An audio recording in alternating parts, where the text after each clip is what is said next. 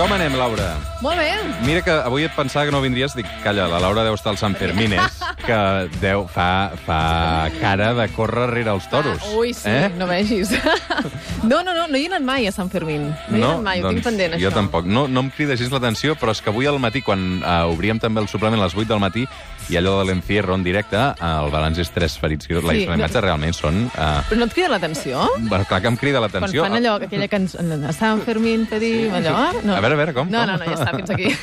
No, eh, el que, el que em fascina bàsicament és que a la línia d'arribada el que es troben els que corren és, és uh, la Creu Roja i les ambulàncies, no? per fer el balanç. Hi ha tots els mitjans um, allò esperant el, el, el balanç El de... recompte, doncs, sí. eh, Crec que aquest matí ha acabat amb tres ferits, un que se l'han emportat tot de sagnat. Home, i recordo imatges espectaculars de, de com es diu, el asta del toro, entrant eh, per alguna part d'algun cos d'algun corredor i sortint per un altre, Sí. eh, que després eren portada a alguns diaris alguns Els toros anys. tampoc no ets de torero. No, gens, zero, zero, zero. Però eh, crec que el, el, la qüestió de, de Sant Fermín és un folklore diferent, no? I a mi tota aquest, aquesta litúrgia de, dels càntics que fan, de quan surten els toros, de tota la carrera fins que arriben a la plaça. Ja quan arriben a la plaça jo, allò ja és una altra història, desconnecto. Però reconec que té una, alguna cosa que, que em crida l'atenció.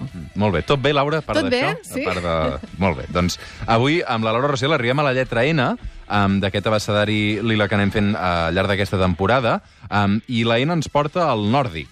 Sí, el model nòrdic sobre la prostitució.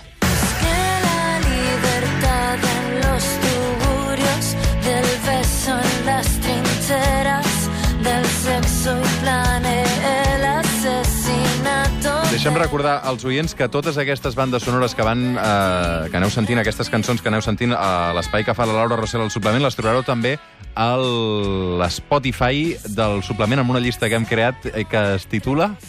Marta Ferrer, que m'estàs...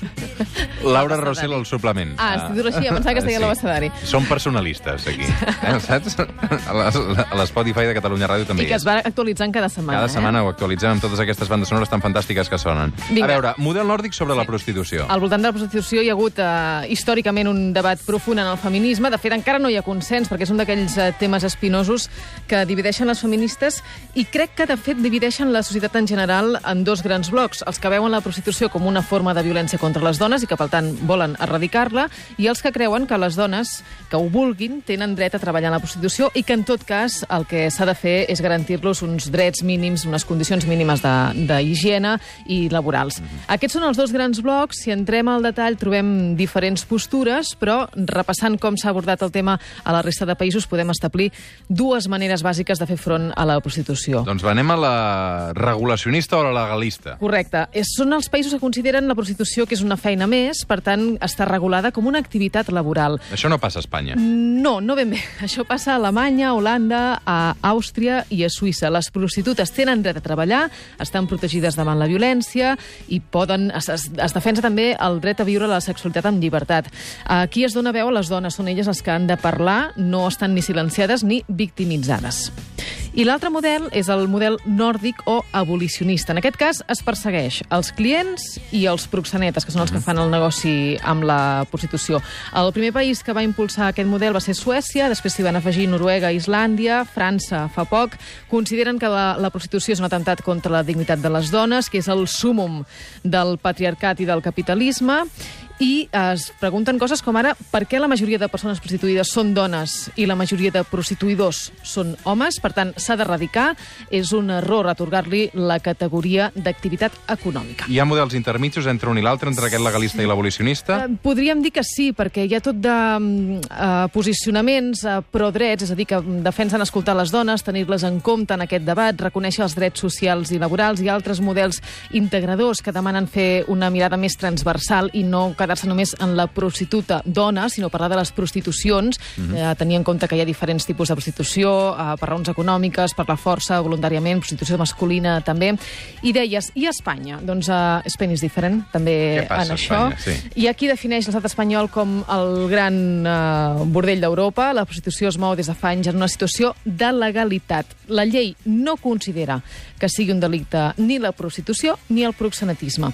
I això la Núria Varela, que és l'autora de del manual Feminismo para principiantes, ho explica força bé. Us recomano que, que us el llegiu el llibre, si podeu. Voto per escoltar totes, les- jo mm, voto per escoltar totes les veus, en aquest cas especialment escoltar les veus de, de les dones, de les putes, que són les que tenen la, la paraula, o l'haurien de tenir. En aquest sentit, han sortit alguns eh, col·lectius des d'on s'expressen quan hi ha notícies o quan hi ha debats públics que les afecten. En el cas de Catalunya, per exemple, hi ha dos perfils a Twitter que són molt interessants. D'una banda, putes indignades i de l'altra, putes libertàries del Raval. La dona que reivindicarem avui a l'abastadari té alguna mena de relació amb la prostitució? Uh, no. no. De fet, si visqués ara, jo crec que seria ultra-abolicionista o prohibicionista, perquè avui recuperem una de les primeres feministes catalanes, una feminista conservadora, catòlica, nacionalista, vaja, una feminista de la punyeta. Ho tenia tot, eh? Dolors Montcerdà. Honey,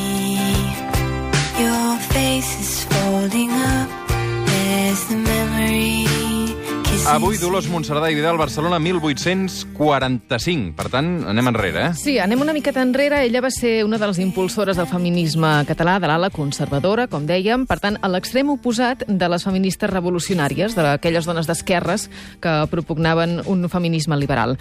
Maria Aurelia Campany la definia com la consciència social de la dreta. I hi ha dos aspectes que defineixen la Montserrat. D'una banda, aquesta consciència social, un gran interès que tenia per la classe obrera, en especial per les dones amb menys possibilitats, i de l'altra, una gran sensibilitat per les lletres. De fet, és la primera novel·lista catalana. Era una escriptora total, perquè feia poesia, feia novel·la, feia assaig, eh, feia també d'articles eh, d'actualitat, feia dramatúrgia... Per tant, anem a repassar la seva biografia. Va i néixer a Barcelona, eh? entendrem millor. Sí, va néixer a Barcelona, al carrer de la Palla, filla de la Beatriu Vidal i d'en Josep Montserdà. El matrimoni tenia quatre fills, una família que vivia força bé i que va poder oferir estudis als seus fills.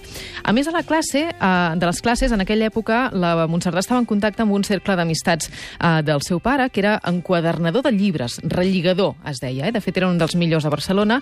I a la rebotiga organitzava una mena de tertúlies amb tot de mm, homes representants del moviment il·lustrat de l'època, com Narcís Montoriol o Frederic Soler, i d'aquelles tertúlies culturals i polítiques a les que la Dolors Montserdà assistia com a espectadora m'ha sortit un interès intel·lectual que l'acompanyaria durant tota la vida. El pare mor quan ella té 15 anys i això suposa un sotrac important per la família, perquè la, la mare se n'ha de sortir endavant amb els quatre fills tota sola, per tant comença a treballar com a, com a cosidora, treballa de dia i de nit, i això marcarà la Montserdà, perquè li despertarà una consciència social, aquella de la que parlàvem abans, que és un dels grans trets que la defineixen. Es va casar? Es va casar amb... Sí, era conservadora, hem dit. S'havia de casar, havia de tenir fills. Es casa amb Eusebi Macià i des de l'endemà mateix del casament ja sempre signarà com a Montserdà de Macià. Veus? En Macià era argenter, fill d'argenters, i el matrimoni amb ell li permet a la Montserdà ascendir socialment. Uh, van tenir quatre fills, un nen que va morir molt petit, amb nou mesos, tres nenes, una nena també va morir de petita.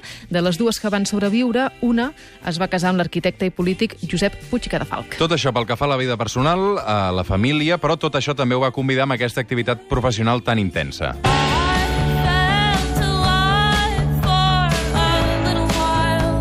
diferència del que passa molt sovint ara, a la Montserrat sí que se'n va sortir amb la conciliació. Sí, podríem dir que sí, eh? perquè no va parar d'escriure en cap moment. De fet, ella va començar escrivint en castellà, que és una, un tret que repeteixen alguns uh, escriptors, alguns autors de l'època, i després ja es va passar de seguida al català. Va començar escrivint poesia el 1870, però el públic la va començar a conèixer gràcies als articles que escrivia a diferents revistes. Després se'n va acabar també dirigint algunes. Com a novel·lista s'estrena tard i l'obra més important és La fabricanta, que es publica el 1904. Només té un problema aquesta novel·la i és que es publica més o menys en la mateixa època que Solitud, de Caterina Albert, per tant, queda eclipsada fins avui.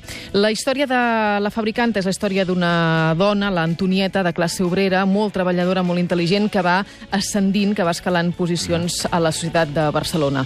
Um, és un bon retrat dels costums de l'època, també és un al·legat a favor dels drets de les dones, perquè millorin socialment, perquè progressin. Uh, hem parlat amb l'autora del llibre Dolors Montserdà, La voluntat d'escriure, la pedagoga i filòloga Carme Mas, que ens explica aquest objectiu que tenia Dolors Montserdà amb les seves obres, que era conscienciar les dones benestants, les dones com ella, de la burgesia, de la necessitat d'ajudar les dones obreres. En els contes, en aquesta narrativa curta, ella s'hi sentia molt còmoda, perquè era molt concís, molt directe, eh, tractava els temes amb molta precisió. Realment són petites joies que jo crec que avui encara queden molt desconegudes. Però clar, les dones llegien molta novel·la i novel·la romàntica. I ella volia arribar a les dones i tenia una intenció més didàctica que no, que no pas estètica. Aquesta voluntat d'ensenyar les dones, d'ajudar-les a tenir un ofici, de valer-se per elles mateixes, enllaça amb el vessant social, fins i tot d'activisme social, que caracteritza la Dolors Montserdà i que es va materialitzar en alguns projectes, com ara la creació del Patronat per l'Obrera de l'Agulla, que era una mena de sindicat, des d'on eh, intentava millorar les condicions laborals de les cosidores, que eren les que eren a la part més baixa de la piràmide de drets eh, laborals de les dones. Eren dones que treballaven a casa, sense horaris, que cobraven en funció de la temporada. I per què aquest interès per les cosidores? Doncs per la seva mare, en aquella època en què va quedar viuda i es va veure obligada a treballar dia i nit cosint per tirar endavant la família. Realment, aquesta sensibilització de Montserdà per les dones que cosien la va, la va viure ella en, en pròpia pell. Jo crec que aquesta va ser una experiència que la va marcar i que la va sensibilitzar en una situació que patien. Mai va oblidar, jo crec, aquests orígens que la van marcar, perquè realment ella havia tingut sort i potser se sentia amb el deure d'intentar millorar la vida de les que no havien estat tan afortunades com ella. Tant jo diria que no parlaríem de paternalisme, sinó de consciència social. És en aquesta etapa on també Montserdà comença a destacar com una de les pioneres del feminisme a Catalunya. Sempre des de posicions conservadores, sense subvertir en cap moment l'ordre establert, és a dir, el matrimoni home-dona, la dona com a esposa, com a mare, això és el, el nucli de, de la societat, del que ella considera el, el bon fer, i amb el catolicisme que ho travessa tot. Hi ha alguns escrits destacats sobre la situació de la dona, el feminisme a Catalunya del 1907, també estudi feminista del 1909, aquí s'oposa obertament a les posicions laiques del feminisme. Ens pot semblar, a hores d'ara, un plantejament molt allunyat del que entenem per feminisme, però el fet és que en aquell moment el corrent feminista que es va acabar imposant a Catalunya va ser aquest. I té molt mèrit perquè sorgia... Té molt mèrit, bé, té mèrit perquè sorgia de classes acomodades, de dones que no tenien cap tipus de mancances, ni econòmiques ni intel·lectuals. És evident eh, que no podem jutjar el feminisme de Montserdà en paràmetres del segle XXI. Sí que el seu era un feminisme moderat, més de persuasió que de revolució, que parlava de les dones a les dones i a totes les dones. De fet, si no fos per dones com la Dolors Montserdà i la Carme Car, que per parlar, cert sí. en van parlar i van coincidir en el temps, de fet, la Montserdà va escriure alguns eh, articles a la revista de la Carme Car Feminal, doncs si no fos per ella, segurament avui les dones no seríem on som. Pensem que en aquell moment encara estava estesa una creença que el feminisme era cosa de solteres. I ella, mm, Montserdà, apostava doncs, per una dona culta, per una dona que no hagués d'estar sotmesa a un marit i sense necessitat de fer-se monja. Ella obre camí en la lluita de, de les dones, en la lluita feminista, de les més joves que la van seguir, com la Carbacar, molt lligades a la revista Feminal. Hidden classics. De fet, es va presentar a més de 30 edicions dels Jocs Florals. Eh, no sé com li va anar a Laura. Eh, em va presidir uns i tot. Sí, eh, va ser la primera dona que va presidir uns Jocs Florals el 1909. I és que, eh, com hem dit, no va parar d'escriure ni un moment, tenia una autèntica passió per les lletres. Eh, per això diem que va ser una escriptora total, la primera novel·lista catalana, també de les primeres feministes, ha quedat clar. Aleshores, després de tot això, la Dolors Montserdà té el reconeixement que mereix? Ella obre camí. És la primera dona que escriu novel·la a Catalunya i obre camí a altres dones, com la Víctor Català, amb qui tenia una profunda amistat. Jo crec que en el món de la novel·la, en el món de trencar motllos, Dolors Montserdà eh, no ha estat prou considerada Va morir el 1919 amb 73 anys, per més dades, el dia 1 d'abril, just quan faltaven només dos dies perquè resolgués la canadenca, eh? aquella vaga general històrica que es va allargar durant mesos i d'on el, el moviment obrer va aconseguir, entre d'altres, la jornada de 8 hores com a màxim. Reconeixement de la Dolors Montserdà, doncs ens queda aquest dubte, com deia la pedagoga. Hi ha un, uh, jardins a Sabadell, em temo, hi ha un dius, carrer... On? No? No et sonen No, els carrers de, no, no, no el, els jardins de la Dolors Montserdà? No, sí. doncs, eh. doncs n'hi ha un, hi ha una escola a Sarrià, l'escola Dolors Montserdà. Montserdà, Sabadell. Un moment. Hi ha l'escola Dolors Montserdà a Sant Pau de Sarrià, que per cert crec que uh, part del professorat ens està escoltant, per tant els Des d'aquí una saludem. abraçada. Des d'aquí una abraçada. I hi ha algun altre carrer, també, en alguna altra població catalana. Què et diu? Trobes o no? No ho trobo. No ho trobes? No ho trobo, no Me trobo. No trobo. Si algun oient de Sabadell ens explica on són el Mira, 9 que 3 sí, 2 Dolors 0 Montserrat 7 té 4. un jardí amb el seu nom a Sabadell. Això Ah. diu la Viquipèdia, eh? No s'equivoca la, A veure, Viquipèdia. que ens, algú ens explica on és aquest jardí perquè el visitarem i tot. Um, Dolors Montserrat i Vidal, Barcelona 1845, avui l'hem recordat amb la Laura Rossell, i ara...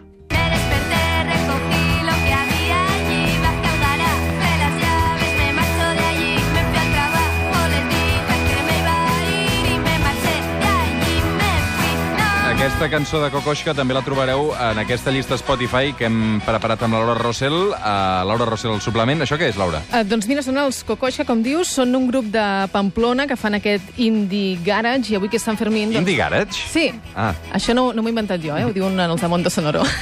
Indie Garage. És Jo sé que a mi m'agrada com a l'hora- de posar etiquetes a la música, realment, eh, No tenim ens superem límits. cada vegada, Sí, eh? Sí, sense sí, sí. límits. Indie Garage, molt Però bé. sonen molt bé, eh? els Cocoixa van... Bé, tenen, estan, han publicat crec que un parell de discos ja i s'enganxen molt bé i ara que estem a Sant Fermín, doncs jo crec que... Doncs Kokoschka, amb dues cas. sí. Eh, amb què ho rematarem? Doncs mira, amb un llibre que s'ha publicat aquest any es diu La princesa, és d'Espasa, l'autora és la Loreto Sesma, una noia molt jove, però molt jove, té 22 anys, i aquest és el cinquè llibre que publica Roger. Carai, doncs anem Estem molt tard, temps, eh? eh? Sí, estem perdent el temps. La princesa és una relectura del clàssic de Maquiavel, El príncep, però integrant-hi la dona, perquè Maquiavel va passar olímpicament de les dones, les va obviar com si no formessin part de la humanitat. La Loreto Sesma va començar a YouTube, té un canal on penja vídeos recitant poemes que ella mateixa ha escrit, i d'aquí va fer el salt al món editorial, va guanyar el Premi Internacional de Poesia Ciutat de Melilla. Ella és crítica amb cert feminisme, amb les feministes de pacotilla, com diu, i en essència el que defensa és que cal una lluita en tots els fronts per aconseguir situar la dona en el lloc que es mereix. Com, per exemple, es posa a ella mateixa, perquè resulta que té una relació amb Willy Bárcenas, El, el, el fill músic, El fill de Luis Fuerte. el, el fill de, que té un grup de música, Sí, que té un no? grup de música que es diu Sí, Taburete. Taburete, Taburete, sí, Taburete. Doncs ella es queixa molt sovint perquè hi ha part de la premsa que en lloc de titular pels seus eh, llibres, els seus poemes, titula per la seva relació de parella. Vaja.